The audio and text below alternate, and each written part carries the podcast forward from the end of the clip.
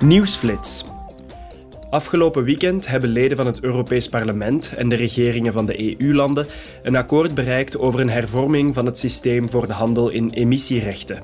Het doel van deze hervorming is om de industrieuitstoot verder terug te dringen en om meer te investeren in klimaatvriendelijke technologieën.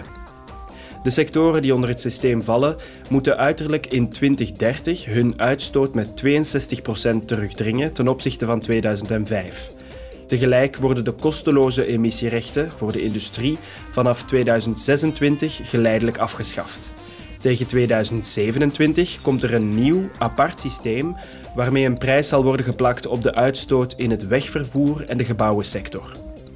De regeling voor de handel in emissierechten is gebaseerd op het principe dat de vervuiler betaalt. Ze vormt de kern van het Europese klimaatbeleid. Roberta Metsola, de voorzitter van het Europees Parlement, legt momenteel een bezoek af aan Roemenië. Gisteren had ze een ontmoeting met de Roemeense president Klaus Iohannis en premier Nicolae Ciuca. Ze sprak ook het Roemeense parlement toe tijdens een gezamenlijke zitting. Vandaag gaat voorzitter Metsola in gesprek met Roemeense jongeren aan de Universiteit van Boekarest.